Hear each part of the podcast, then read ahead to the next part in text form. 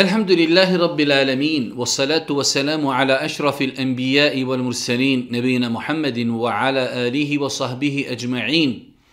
Rabbi şrahli sadri ve yessirli emri ve hlul uqdete min lisani yefqahu To Doista svaka zahvala pripada uzvišom Allahu subhanahu wa ta'ala, salavat mir i selam na Allahu poslanika, alihi selatu ve selam njegovu časnu porodcu, uzor te ashabe i sve ljude koji slijede put istine do sudnjega dana. Uvaženi braći i poštovani sestre, uvaženi gledatelji, evo nas u još jednoj emisiji u kojoj se družimo sa vašim pitanjima i vašim dilemama. Ovo je naša 73. emisija. Prvo pitanje, gubi li se abdest ako se zaboravi na njega? Jedno interesantno pitanje, da bi dali potpun odgovor na ovo pitanje trebalo bi doista mnogo vremena, ali ono što treba znati jeste da su islamski učenjaci postavili jedno veliko pravilo koje glasi sumnja ne potiskuje ubjeđenje. Što znači? Čovjek koji je svjestan da je uzeo abdest. Uzeo sam abdest za podni namaz, nastupa ikindija namaz, Normalno da ja ne mogu od podne do ikindije cijelo vrijeme razmišljati o abdestu. E to je pitanje, da li se gubi abdest ako sam zaboravio na njega. Nemoguće, čovjek cijelo vrijeme razmišlja o abdestu. Ali imamo temelj, a taj temelj se zove uzeo sam abdest.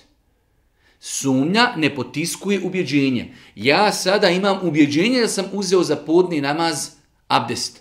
A ne znam, ne mogu se sjetiti da sam izgubio abdest. Ja imam abdest. Znači ovo je jedno veliko, veliko pravilo koje će nam mnogo olakšati u životu da znači kada e, nismo sigurni da li smo izgubili abdest ili ne, a znamo da smo ga uzeli. Ovo je veoma bitna platforma. Platforma je da znamo da smo uzeli abdest tada je osnova da naš abdest traji i nismo ga izgubili. Obrnuto, imamo drugu situaciju da čovjek kaže znam izgubio sam abdest, znači nemam abdesta, sumnjam jesam li ga uzeo, onda čovjek nema abdest. Znači to su dvije platforme. Imamo platformu siguran sam, uzeo sam abdest i ne znam jesam li ga izgubio. Imaš abdest.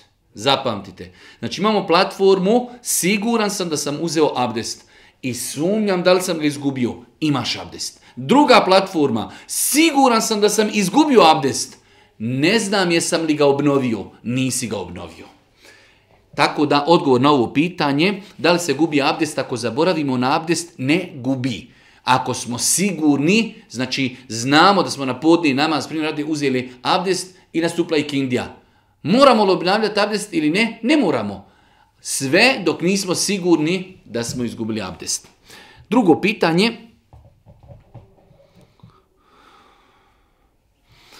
Moja čirka je preselila u 14. godini, imala je nesreću. E pa mene sada interesuje da li je tačno da djeca koja presele maloljetna uvešće svoje roditelje u džennet. A moj muž je nevjernik. Tako navodi ona neke kvalifikacije na osnovu kojih je spoznala da je njen muž nevjernik. Pitanje je, znači žena kaže, došlo je u hadisima, da će djeca uvesti svoje roditelje u džennet. E sad je njoj u jednu ruku nejasno kako će moje dijete uvesti svoga roditelja u džennet, a on ne musliman određene stvari u islamu se podrazumijevaju. Normalno će djeca uvesti u džennet, znači oni roditelje koji su bili muslimani, koji su bili pokorni Allahu te ta'ala. Primjera je stotine. Ako se kaže u hadisu korektni u toku dana stotinu puta taj taj zikr, bit ćemo oprošteni grijesi. Da li ako nevjerni kaže taj isti zikr, ili ćemo biti oprošteni grijesi? Neće, zato što nema glavnu platformu, nema riječi la ilaha illallah Muhammedu Rasulullah. I u ovom slučaju, znači, e, da li će dijete uvesti u džennet svoga roditelja koji nije bio musliman, normalna stvar da ga neće uvesti u džennet. E, pitanje, liječim se od sihra četiri godine, muž je uz mene svo vrijeme što god da zatreba. Imamo problema sa intimnim odnosima. Prođe po pola godine, mi nemamo odnos. Njemu vidim to i odgovara, ali meni ne. Stalno se oko toga svađamo, strah me je da se ne prepustim bludu. Mi smo više puta govorili na ovu temu, znači, evo vidimo, u početku kaže, četiri godine imamo problema sa sihrom, liječimo se od toga, po pola godine čovjek i žena nemaju intimne kontakte i, e, znači, e, ne ispunjava muž ne ispunjava potrebe svoje supruge kada je u pitanju njena potreba za intimom. I ono što je meni najteže u ovom pitanju jeste, kaže, neprestano se svađamo e, i druga stvar, žena kaže, bojim se da ću počiniti blud. Islam znači je obavezao čovjeka, kao što mu je obaveza da obezbijedi ženi hranu i piće, stanovanje, isto tako da ispuni i njene potrebe intime. Čak su neki učenjaci govorili da je čovjeku veća obaveza da ispuni potrebe, suprugine potrebe intime, nego da ju ispuni potrebe hrane i pića. Tako da u ovakvim situacijama veoma je bitno da e, supružnici razgovaraju o toj temi. Ako s druge strane nemamo razumijevanja i žena kaže bojim se da ću počiniti nemoral, onda se tu mora donijeti e, da kažemo hitno brzo odluka u kojem pravcu će ići naš život. To čovjeku treba jasno kazati, znači e, to nisu nikakve tabu teme. Kao što čovjek ima potrebu za ženom, žena ima potrebu za muškarcem, pa znači muškarcu je obaveza da ispuni tu svoju obavezu e, u granicama svoje mogućnosti i u granicama žene potrebi. Kao što bi žena imala pravo da traži razvod braka, muž ne može obezbijeti hranu. Kaže, ženo, ja nemam posla, nema hrani, od čega će živjeti. Isto tako žena ima pravo da traži razvod braka ako muž nema mogućnost i ne želi da se liječi i ne želi da razgovara na tu temu kada je u pitanju njegova nemogućnost da ispuni žene potrebe. Tako da ono što savjetujemo jeste razgovor, dijalog. Ako nema razgovora, dijaloga, žena je došla do... Eh, krajnje granice strpljenja, boji se će počiniti nemoral, Allah najbolje zna takva žena treba da traži razvod braka i da stupi u drugi brak na halal i dopušten način. Četvrto pitanje, e, da li se smiju i na koji način uništiti CD i kasete sa vjerskim sadržajem? Nema nikakve smetnje e, da se na bilo koji validan ili dopušten ili poznat način uništi CD-ovi ili kasete na kojima je bilo snimljeno ili učenje Kur'ana ili predavanje ili lahije, bilo šta drugo, nema nikakve smetnje da se zapale, da se slome, da se baci u smeće, nema, nema nikakve smetnje u tome. kako, žena da kako žene da razdvoje sunnete koji se klanjaju prije farza?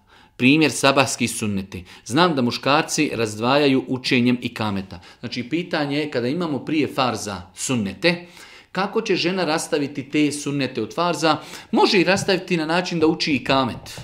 A s druge strane, može ih rastaviti e, sjedinjem, znači nekom kraćom pauzom, može ih rastaviti na način da se pomakne na drugo mjesto, tako da e, znači nije to ništa nešto krupno i strašno. Žena sunnete i farze može rastaviti na način znači da e, prouči i kamet. Žena može proučiti i kamet, može e, znači s nekim porazgovarati, može se pomjeriti, može napraviti neku pauzicu minut i po dva i tako dalje. Sve su to neki načini metode kako se mogu rastaviti sunneti od farza.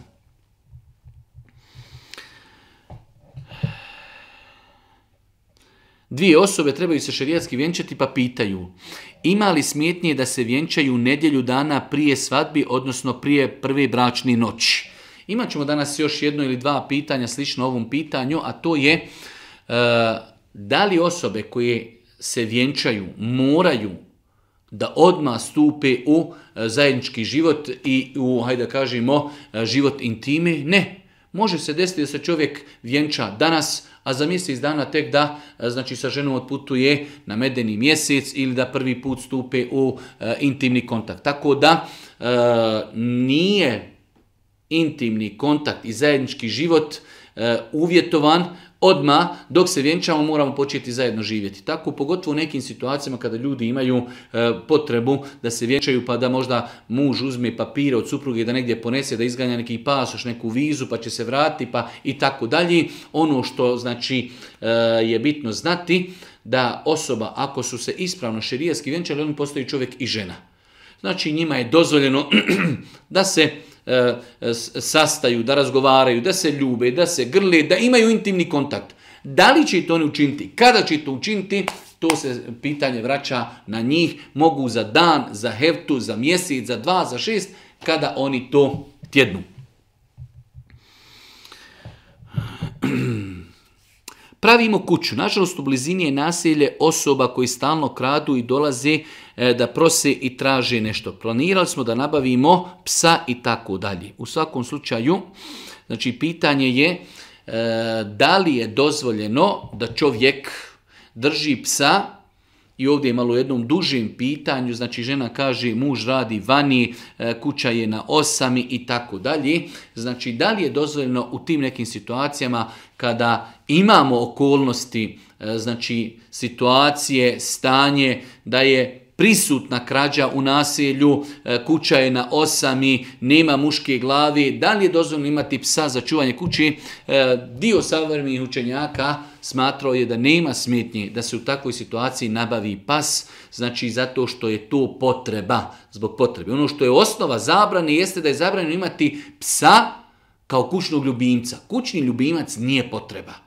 Ali ovdje se radi o potrebi, imamo lopove, imamo znači e, kuća je na osami i tako dalje, nema muške, nema muške glavi u kući. E, u takvim situacijama dio savremeni učenjaka je dozvolio da se nabavi znači pas s potrebom čuvanja kući, s potrebom čuvanja kući.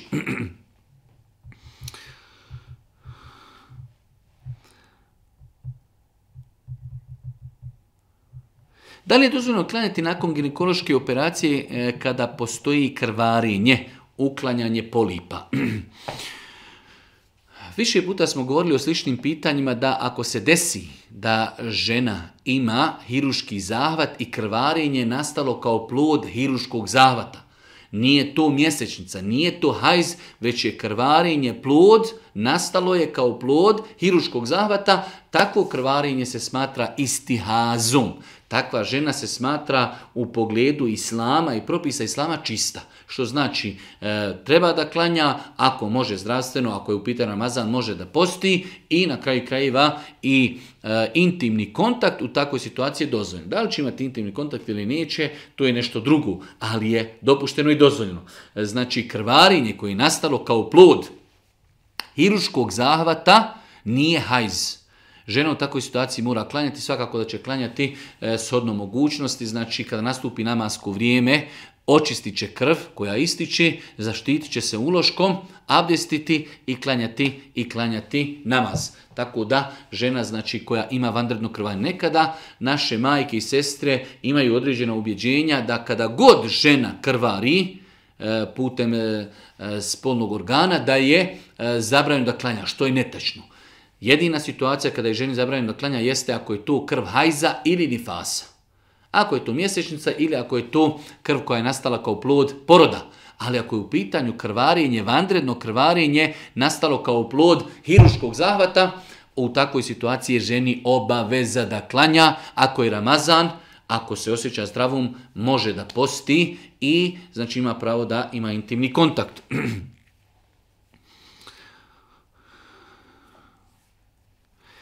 Zanima me da li je ispravno šerijatski vjenčanje ako nakon toga supružnici ne žive zajedno određen period što može potrati i par godina. Opet slično pitanje, odgovorili smo da nema smetnje da se supružnici vjenčaju i da nakon toga možda određen period ne stupi u intimne kontakte. Ja lično ne savjetujem u ovakvim slučajem kaže možda će to potrati par godina. E, u tih par godina e, može se izdešavati svašta nešto, mogu se desiti različite stvari e, zbog kojih čovjek može da se pokaje zašto je, zašto je stupio u brak. Znači, tako da može se uraditi ispravno je ali dobro treba razmisliti jer primjer radi ako bi se desilo da se čovjek vjenčao sa suprugom i on je otišao ne znam u Ameriku, tri godine će raditi pa će se vratiti pa će oni početi svoj e, bračni intimni život. U te tri godine šta se njemu sve može izdešavati u Americi, šta se sve može izdešavati njegovoj supruzi i tako dalje. Tako da u takvim situacijama treba dobro, dobro razmisliti šta urati, ali generalno s aspekta islama, ta osoba koja se vjenča pa neće stupiti u intimni kontakt kontakt 5 dana, 7 dana, 10 dana, mjesec dana, godinu dana, to nema nikakve vezi sa propisima islama, znači to je dopušteno.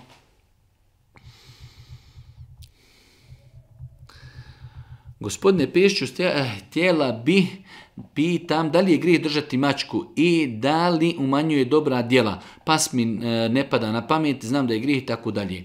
Dozvoljeno je, znači ono što je zabranjeno od životinja držati kao kućnog ljubimca jeste držanje psa a kada je u pitanju mačka ili e, akvarijum ribe ili ptica ili papagaj, neke stvari slične tome i zec, sve te stvari su inšala biznila dozvoljene. Svakako da insan koji ima kućnog ljubimca treba da mu obezbijedi hranu, treba da mu obezbijedi vodu i treba da se poduđi propisima znači određene životinje koji su e, kućni ljubimci kao što je mačka njena, znači mokraća, izmet je nečist, treba paziti, čuvati kuću od takvih stvari. E, znači insan treba da se poduči takvim stvarima, ali generalno gledajući da li je dozvoljeno uzeti mačku kao ličnog kućnog ljubimca, dozvoljeno je nema ništa sporno s aspekta islama i to ne umanjuje čovjeku nikakvu nagradu. Jedino što umanjuje čovjekovu nagradu jeste držanje psa kao kućnog ljubimca. Ako vam nije problem da u nekim od narednih predavanja objasnite ovo moje pitanje, ako se momak i djevojka uzmu uz pristanak staratelja od djevojke i objavi se brak uz blagoslov roditelja i sa jedne i sa druge strane, te oni stupe u bračnu zajednicu i nakon par dana se vjenčaju šerijetski i općinski. Kako se tretira vrijeme prije vjenčanja? Ovo je jedna e, obrnuta situacija od onoga što smo malo prije spominjali i veoma osjetljiva i e, opasna situacija. Nerijetko se dešava da momak dođe i pita e, njenog oca jesi li ti saglan se da se ja oženim tvojim čirkom? Kaže jesam. Vjenčanje će biti sljedeći sedmici oni počinju živjeti zajedno život odma do vjenčanja, što je greška. Ispravno je da oni počinju, znači e, njihov bračni život počinje od momenta vjenčanja. Osim ako su zaista tada obavili vjenčanje. Ako su tada obavili vjenčanje, to je nešto drugo. Ali sam dolazak, čovjek kaže e, staratelju, ja bi želio vašu čerku, da ste vi saglasni s time? Jesam, saglasan sam s time, s time u redu. Biće vjenčanje u nedjelju. Do nedjelje se može desiti svašta. Mogu e, roditelji od djevojke otkriti nešto pri momku pa kazati, e sada više nismo saglasni. I obrnuto, momak može otkriti kod djevojke neke stvari e, kroz razgovor s ljudima pa kaže ne želim da te ženim. A šta ako su oni u tom periodu već imali intimni kontakt? Pa je znači ispravno da čovjek dolaskom kod staratelja i dobivanjem saglasnosti još nije stupio sa tom djevojkom u brak u brak se stupa od momenta vjenčanja, tako da je greška, ali krupna greška, imati bilo kakav e, kontakt u smislu intimni kontakt, dodir, poljubac, osamljivanje, sve dok ne dođe do šerijetskog vjenčanja. Prije tri dana sam u šestoj nedjelji trudnoći izgubila bebu. Kad mogu opet nastaviti s namazom? prije tri dana sam u šestoj nedjelji trudnoće. Šesta, šesta nedjelja trudnoće, to su otprilike nekih, hajde da kažemo, šestdesetak dana trudnoći. E, mi smo rekli e, da bi e, žena smatrala krv koja se desi nakon spontanog, da bi to bio nifas, treba da dijete doživi 120 dana i više. Prije toga ako se desilo, znači spontani pobačaj, to nije nifas to je krv fesada, krv istihazi, znači takvo krvarenje ne spriječava obavezu namaza.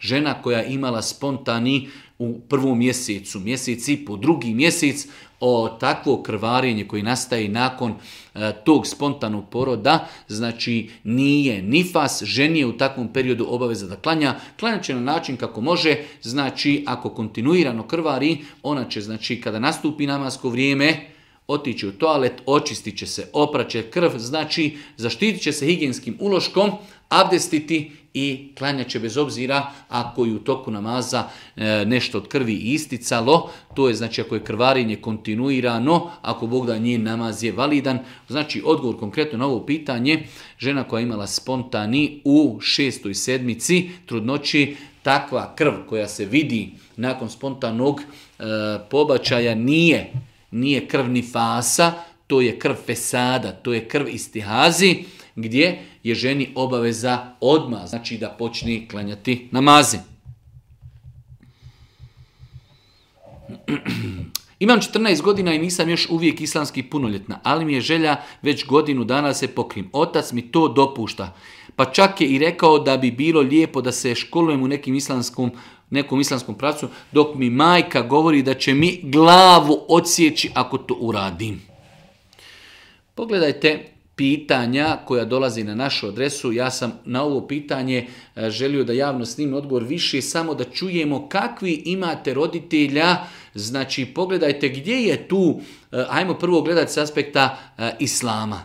Gdje je tu podrška toj djevojčici u 14. godini koja želi da se pokrije, umjesto da majka bude ponosna, zadovoljna, sretna, Allahu ekber, moja čirka želi da nosi hijab, želi da sačuva svoju čednost, moralnost, da ispuni na obavezu koju je naredio njen gospodar, majka kaže da će joj odsjeći glavu ako se pokrije. Otac je u svemu tome saglasan.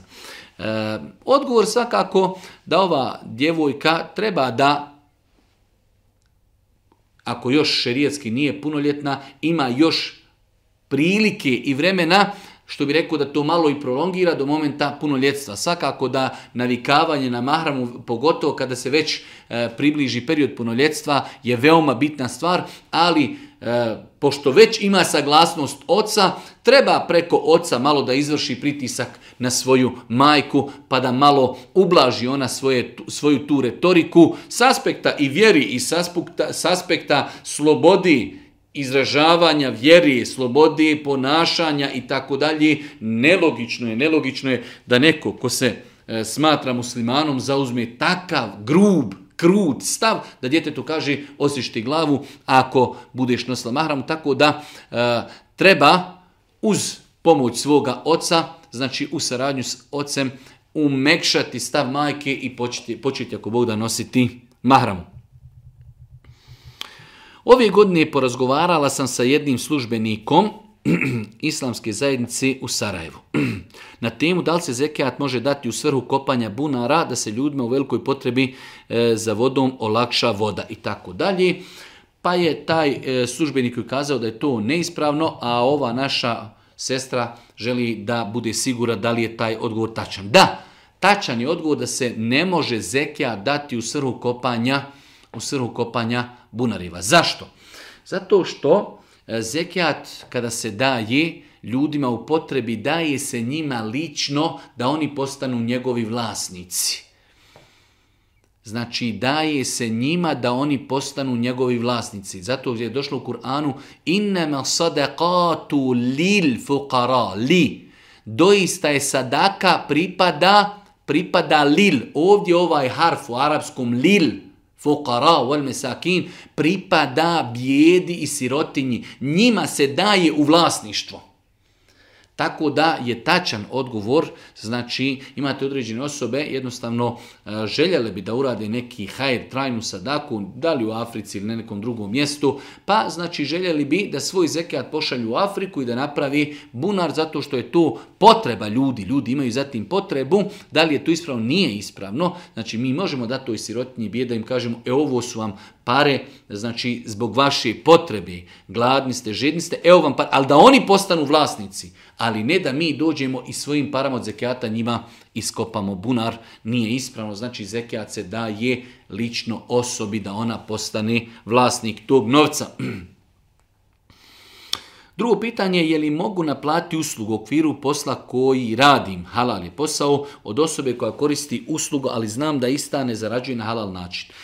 Pitanje je da li ja, kao osoba koja nudi ljudima određene usluge, mogu e, naplatiti svoju uslugu od osobe koja je taj novac stekla na haram način. Svakako da.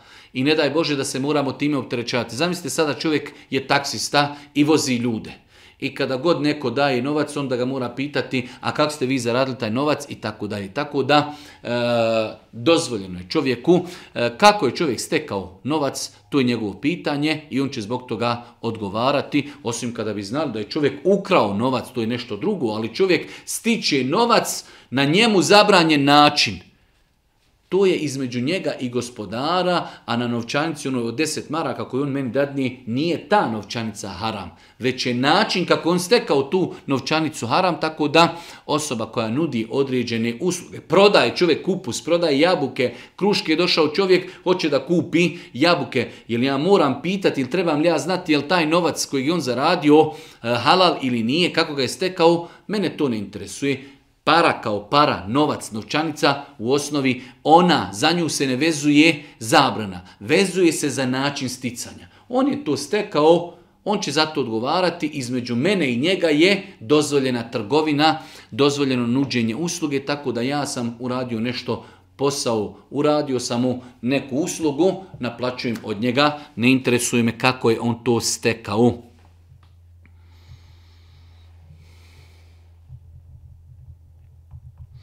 Jedno duže pitanje.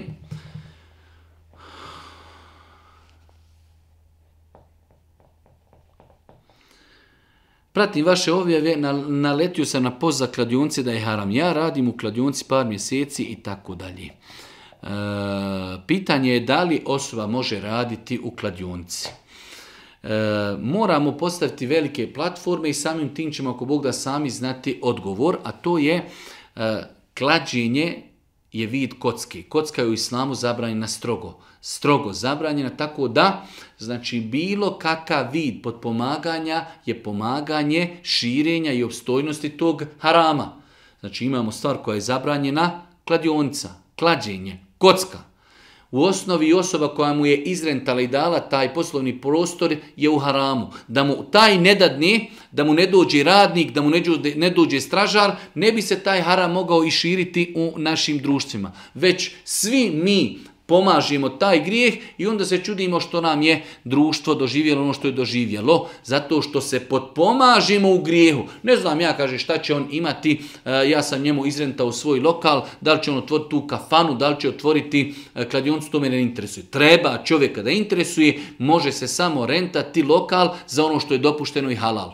Tako i rad u kladionci sigurno je vid pomaganja. Allah kaže u Kur'anu o ta'avanu alel birri takva. Potpomažite se na bogobojaznosti i potpomažite se u dobročinstvu, a nemojte se potpomagati alel ismi wal udvan. Nemojte se potpomagati u grijesima i nemojte se potpomagati u neprijateljstvu. Pa je e, znači zabranjeno ženi, muslimanki, muškarcu, muslimanu da radi u kladionci. E sada, E, možda da kažemo razlika je da čovjek kaže nudi mi se posao, hoću li početi, razlika je čovjek već tu radi, da mu kažemo požuri, pokušaj, vidi što prije da to napustiš, zamisli da nemaš posao, potrudi se da što prije napustiš taj posao i da to ostaviš. Radi Allah te barke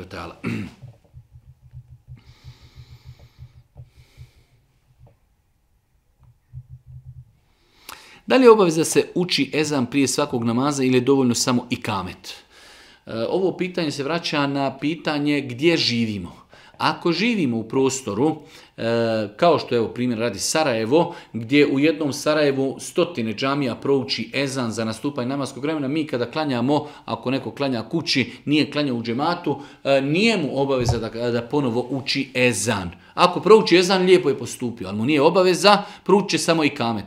Za razliku od mjesta gdje se ne uči jeza nikako, čovjek živi, ne znam, u nekom gradu, u Čeoslovačkoj, u Mađarskoj, u, u e, ne znam, nekim drugim gradovima u Europi i u tom gradu se ne čuje ezan, ne uči se ezan, onda je na jednom visokom stepenu pohvalnosti, ako ne i obavezi, da čovjek prouči ezan pa makar i sam klanja u svojoj kući, e, znači bitno je da prouči ezan, ne mora izići na balkon pa da ga čuje pola Minhena ili Berlina, ali da prouči ezan unutar svoje kuće, inšala biznila i kako je to pohvalno djelo, a, a čak i kada bi se reklo da je to vid obavezi, ne bi, ne bi to bilo daleko.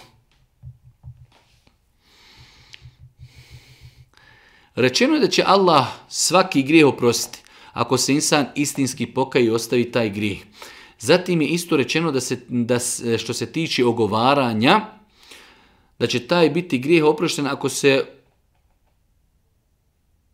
ako osoba koju si ogovarao tebi oprosti. E sad, pitanje znači da li je uvjet da bi bio oprošten grijeh ogovaranja da mi tražimo oprost od osobe koju smo govorili. Znači pitanje je ovako rezimirano, E, mi znamo da postoji, kada je u pitanju teuba i pokajanje, tri uvjeta ili četiri uvjeta. Tri uvjeta su ako smo činili grije koji su između nas i gospodara. Čovjek je alkohol.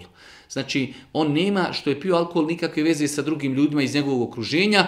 Čovjek kaže gospodaru, kajem ti se, neću to više nikad raditi, kajem se što sam uradio i čvrsto odlučio sam da neću to više nikada uraditi. Znači, to su ti osnovni eh, uvjeti da bi uba bila primljena kod uzvišnog Allah subhanahu Odmah sam prekinao, kajem se i neću više to nikada raditi. Za razliku od grijeha koji su vezani za ljude, između nas i ljudi, u takvim slučajevima dodaje se četvrti uvjet, a to je da čovjek riješi te dunjalučke račune. Ovdje prvenstveno se misli na situaciju čovjeka koji je nekoga zakinuo, uzeo, ukrao i tako dalje, treba da mu to nadomjesti. Kada u pitanju gibet, to je jedan grijeh koji je jedan od najrasprostranjenijih grijeha na planeti, svakako se čovjek vjernik treba truditi da, da čuva svoj jezik, da pazi na svoj jezik, da pazi šta govori, ali sad ostaje pitanje da li nam je obaveza Uh, uz teubu, pokajali smo se Allahu, prestali smo, više to ne radimo, žao nam je što smo to radili, da li moramo čovjeku reći, e vidi, ja sam tebe ogovarao, hoćeš li mi halalti? U svakom slučaju, opet Allah najbolje zna, islamski učinjaci o tome su mnogo govorili, ako insan nije saznao da smo mi o njemu pričali, i ako mislimo, ako mu to mi kažemo da će ga povrijediti, da će naši odnosi prema njemu i naš odnos njegov prema nama e, se pokvariti, onda mu ne treba ni kazivati. Treba za njega doviti, treba ga u društvu spominjati po hajru, kao što smo ga spominjali po zlu, spominjati ga po hajru, doviti za njega, znači činiti mu dobročinstvo i nadamo se inšala da je to dovoljno. Nadamo se inšala da je to dovoljno.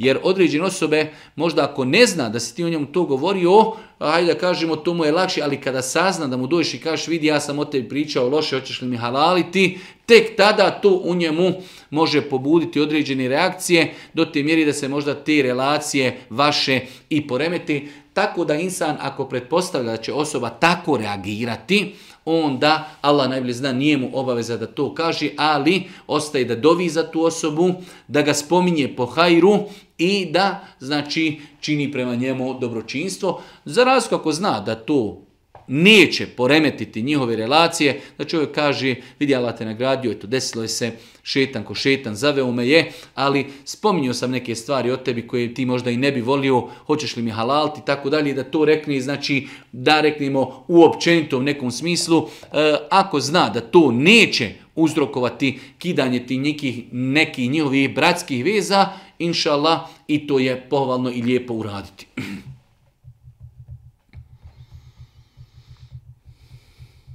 Mene zanima da li je donošenje salavata na Allahog poslanika, ali sam obavezna ili povalno, i da li i kada čitamo, na primjer, hadise, u svakom hadisu se spominje vjerovjesnik, sallallahu alaihi wasallame i tako dalje. E, teško je kazati da je obaveza svaki put kada pročitamo hadis da donesemo salavat na Božeg poslanika, alaihi salatu wasalam, ali da je pohvalno i tekako. Znači, zato su hadijski učenjaci su se odlikovali na drugim učenjacima zbog mnošta pisanja i donošenja salavata na Allahog poslanika alihi salatu wasalam. Tako da insan kada čuje da je neko rekao Muhammed alihi salam, treba i onda kaže sallallahu alihi wasallame. Znači kada čujemo na hudbi, na predavanju, e, ljudi razgovaraju međusobno i neko je spomenuo poslanika, alihi salatu wasalam, lijepo i pohvalno je donijeti salavat. Isto tako kada čitamo hadise Allahu poslanika, pa tamo stoji, e, prenosi se od Ebu Huriri da je Allahu poslanik, sallallahu alihi wasalam, je kazao. Pohvalno i lijepo je, znači kada se god spomeni ime Allahu poslanika, alihi salatu wasalam, da se donese na njega salavat. Ali kazati da je to obaveza svaki puta, to je već, hajde da kažemo, jedno veliko i teško opterećenje. I hvala uzvišom Allahu pa nam to nije nametno kao strogu obavezu, ali da je pohvalno da i došli su određeni hadisi, u kojima se u negativnom kontekstu i pokuđeno smatra da neko čuje spomin Allahu poslanika, alihi salatu sram, a da ne donese na njega salavat. Ali bez obzira, opet ne može to ići na stepen i na level da kažemo da je to stroga obaveza, već da kažemo da je to pohvalan, pohvalan čin.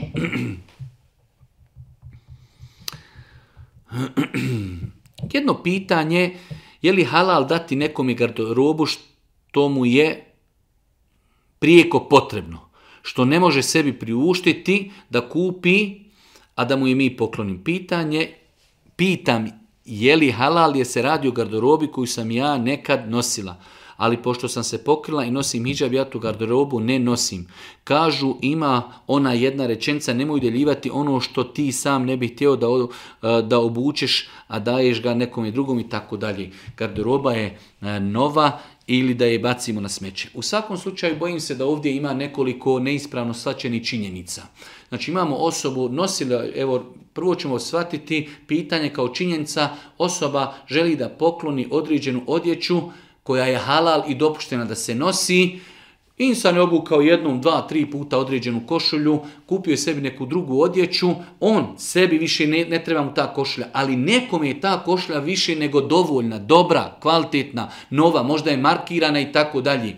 Tako da je to neispravno gledati, ja možda sebi ne bi uzeo.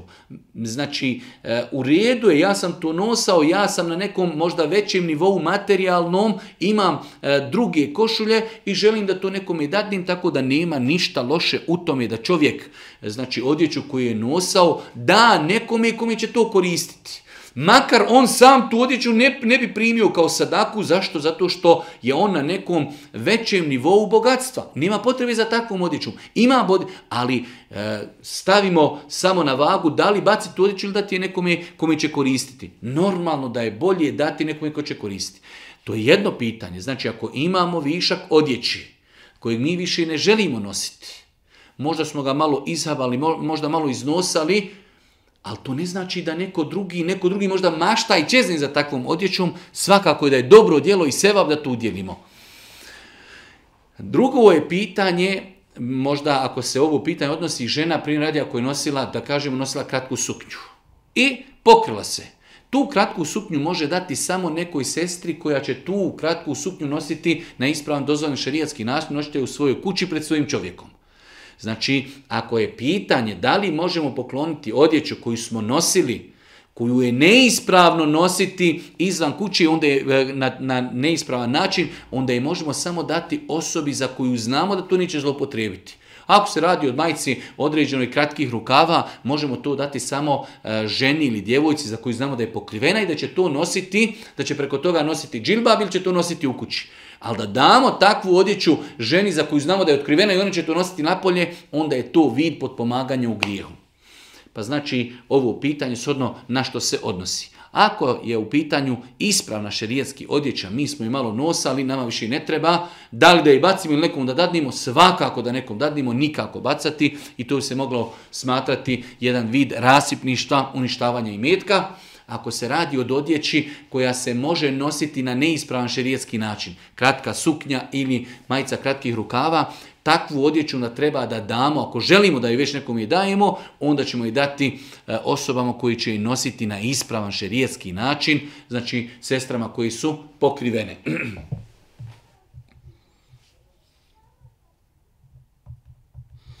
Pročitao sam vašu objavu gdje ste rekli da je punica zetu trajni mahrem. Nisam tako rekao, rekao sam da je zet punici trajni mahrem, ali nema veze, pa me interesuje da li to znači da je svekar trajni mahrem snaj. Da, svekar je trajni, e, svekar je trajni mahrem svojoj snahi. Znači kao što je zet, jer je to ista linija, samo ovo je po ženskoj lozi, ovo je po muškoj lozi. Znači, kada čovjek oženi ženu i stupi sa njom u intimni kontakt, E, znači njena mati, njegova punca, njemu je trajno, on je njoj trajno mahrem. Sutra da razvede njenu čirku, ona je njemu, on je njoj mahrem, može sa njom putovati, može se sa njom selamiti, ona pred njim ne mora nositi više hijab. Isto je, znači i pitanje s druge strane, kada sin se oženi, njegov otac i znači sa tom ženom ima intimni kontakt, e, njegov otac postaje trajni mahrem njegovoj supruzi.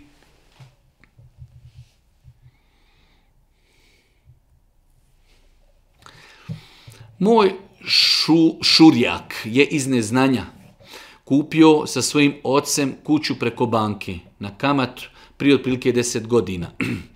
Hvala Allahu zainteresirao se više u vjeri i s tim upoznao da je kamata strogo zabranju islamu. E sad njegovo pitanje je šta je njegov sljedeći korak, može li on ostati živjeti u toj kući i tako dalje.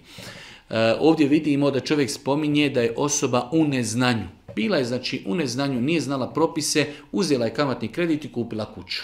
Nakon deset godina je spoznala, saznala propis, možda još taj kredit nije otplaćen ili možda otplaćen. Šta sa tom kućom? Ništa. Ta kuća ostaje njegovo vlasništvo, e, treba da se pokaje za ono što je uradio, da čvrsto odluči da to više nikada neće urati i da završi sa isplaćivanjem duga. Ako je već završio sa isplaćivanjem duga, onda nema više, ako Bog da, nikakvih obaveza.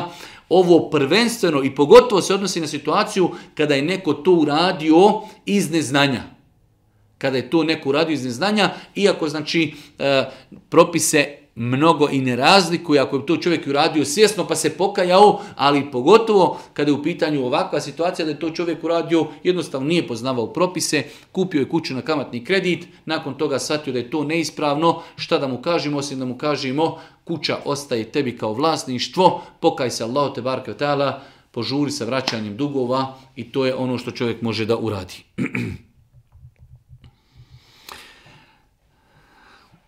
Ako mi možete pojasniti koja je starosna dob klanja ovna za akiku.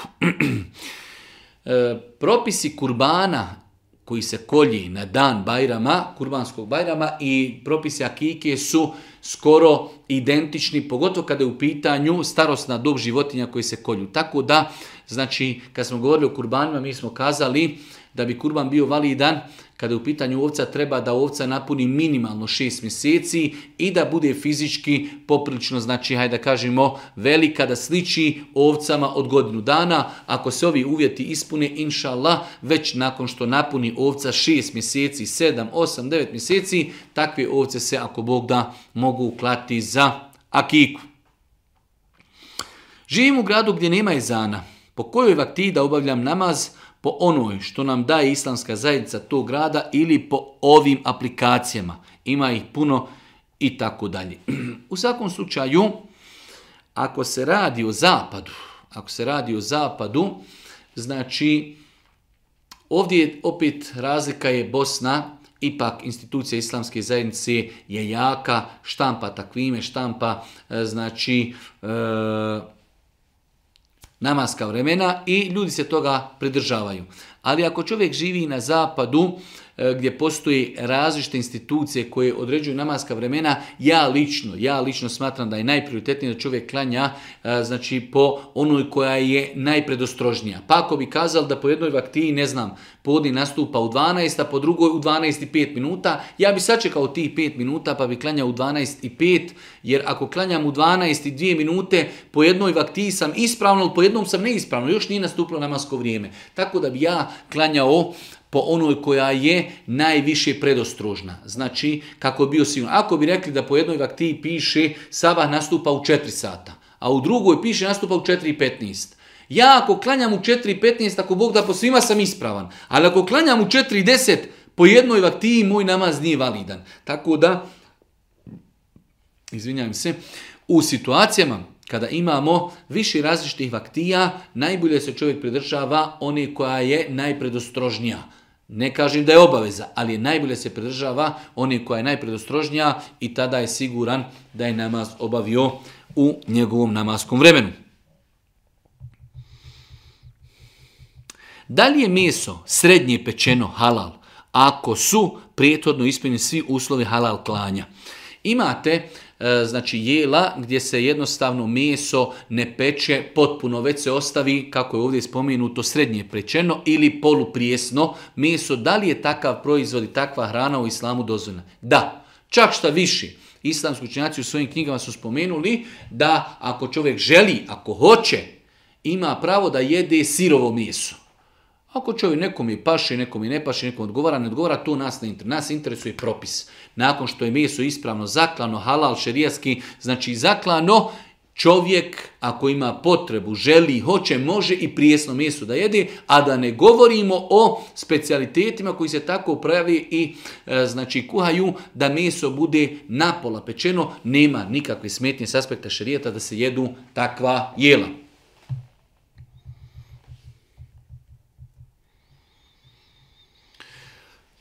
poštovanje želio bih da pitam jer je teško psihičko situacija. Da li mogu ako ne mogu da kontrolišem vjetrove na određeno vrijeme? Ne znam zašto, ali sam u namazu, ali samo u namazu mogu kontrolisati vjetrove kako riješiti ovaj problem.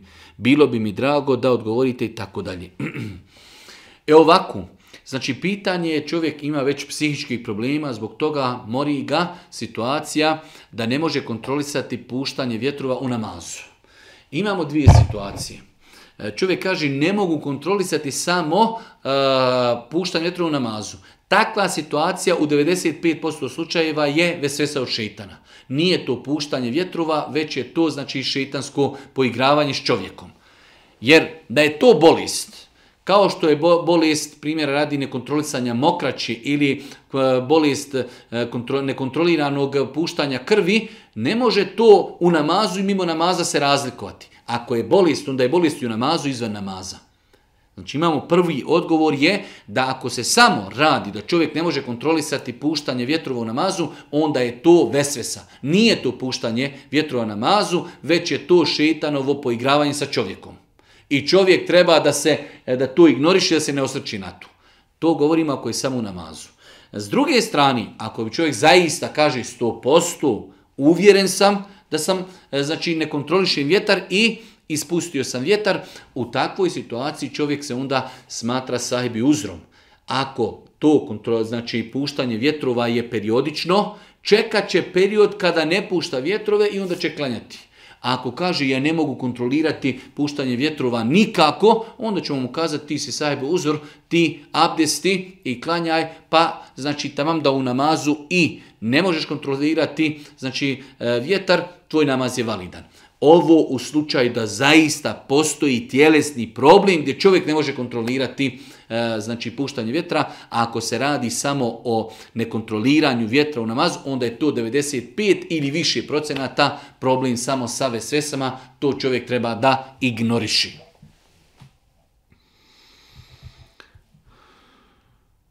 Esselamu alaikum, nisam li griješan ako samo većinom klanjam farz namaze? Klanjam ja ponekad i sunnete, a ali rijetko. Kad stignem, da li sam dužan klanjati vitr namaz? Kad klanjam jaciju farz, pa hoću da klanjam noćni namaz, da li moram odvojiti jaciju od noćnog namaza? Znači dva pitanja. E, čovjek zbog obaveza ne stiže klanjati sunnete, a pita da li je obavez da klanja vitr svakako. Vitr ne treba čovjek da propušta, pa makar to bio jedan rekiat, pošto je vitr znači, na većim stepenu pohvalnosti ili obaveznosti nego potvrđeni sunneti. To je jedna stvar. Tako da čovjek vjernik treba da se trudi da vitr klanja kontinuirano, e, pa makar to bio jedan rekiat. Kada je u pitanju klanjanje noćnog namaza, noćni namaz njegovo vrijeme nastupa od jacije pa do sabaha. Od jacije do nastupanja sabaha, kad god da čovjek klanja, ali svakako kada klanja čovjek jaciju, treba odvojiti noćni namaz od jacije tako što će sazikriti, proučit će, proučit će ajetul kursi, proučit će 33 puta subhanallah, alhamdulillah, allahu ekber i on je standardni klašni zikrove, a nakon toga već od tada može klanjati, već od tada može klanjati noćni namaz, znači vrijeme noćnog namaza je od jacije pa do nastupanja zori, kada čovjek klanja jacijske farze, završit će sa zikrom, nakon toga može znači početi sa klanjanjem noćnog namaza. Čula sam za neke žene što klanjaju istiharu i nakon par vremena kao kaže šta se sve dešavalo u životu. Da li je to po islamu dozvoljeno? Jer ja sam vjernica, klanjam, išla sam na umru i tako dalje. Da li je to neispravno? Znači, E, istihara namaz u islamu čovjek i klanja sam za sebe. Ne postoji u islamu nešto da neko drugi za neko klanja istiharu. To je znači novotarija, dalalet i zabluda, varanje ljudi. Uzimanje novca od ljudi e, da neko nekom je klanja istiharu za njega. To je jedna stvar, znači Postoji u islamu namaz koji se zove istihara namaz, klanja ga čovjek sam za sebe. Hoće određenu da donese odluku u životu, pa ne zna hoće li lijevo ili desno, klanja dva rekiata, prije selama ili poslije selama prouči istiharetsku dovu u kojoj moli Allah te barka da mu olakša donošenje odluke i da mu podari ono što je za njega korisno na dunjalku i ahiretu, da ga zaštiti i sačuva od onoga što je za njega zlo i na dunjalku i na ahiretu. To je što se tiče istihari. E to, drugi je problem da te osobe čovjeku govori onome što se njemu dešavalo u životu, to je pokazatelj da te osobe sarađuju sa džinima i šetarima i to je još dodatni razlog da se kod takvih osoba ne ide. Znači haram i zabranjeno ići kod takvih osoba koji nam govori o prošlosti našeg života, šta se dešavalo, to mogu znati samo ako sarađuju sa džinima i šetima, što je strogo zabranjeno, a s druge strane nije propisan, to je novotarija, dalalet i zabluda, da neko za nekoga klanja istiharu.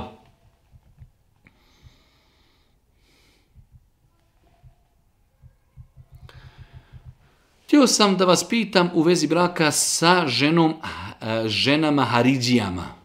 U pitanju je ponuda za brak, sestra je sve kako treba, ahlaka, pitanja, ali nedavno sam saznao da sluša i uzima znanje od haridžijskih učenjaka. I na pitanju o tomi, ona ne vidi ništa loše u tomi. Čak ih i opravdava na neki svoj način. Stanje je tako da ona meni je dala prostora da je ubijedim u suprotno. Pa me zanima da li se sa njima vrijedi raspravljati, ubjeđivati i tako dalje. Ovo je naše večerašnje posljednje pitanje. E, znači čovjek pita e, da li oženiti ženu koja ima haridžijsko haridžijsku akidu i haridžijska svatanja vjeri apsolutno ne. Znači to što ona kaže čovjeku ubijedi me u suprotno, to znači da kako god si je ubjeđivao prije braka, tako ćeš im morati čitav život ubjeđivati, tako da je najbolje rješenje pobjeći od takve osobe što dalje i to je to. Znači insan koji jednom se zatruje sa haridžijskom akidom, veoma, ali veoma teško da se očisti od takvih pogleda, tako da e, čovjek kada je u pitanju brak treba da zna da je brak njegovo jedno najozbiljnije životno putovanje, tako da treba izbjegavati osobe sa takvim razmišljanjima. Molim Allah subhanahu wa ta'ala da nas učini na putu istine, nam podari dobro dunjalka i hireta i na kraju subhaneke, Allahumma da bihamdike, ešedu in la ilaha in stakfiruke, i etubu ilaik.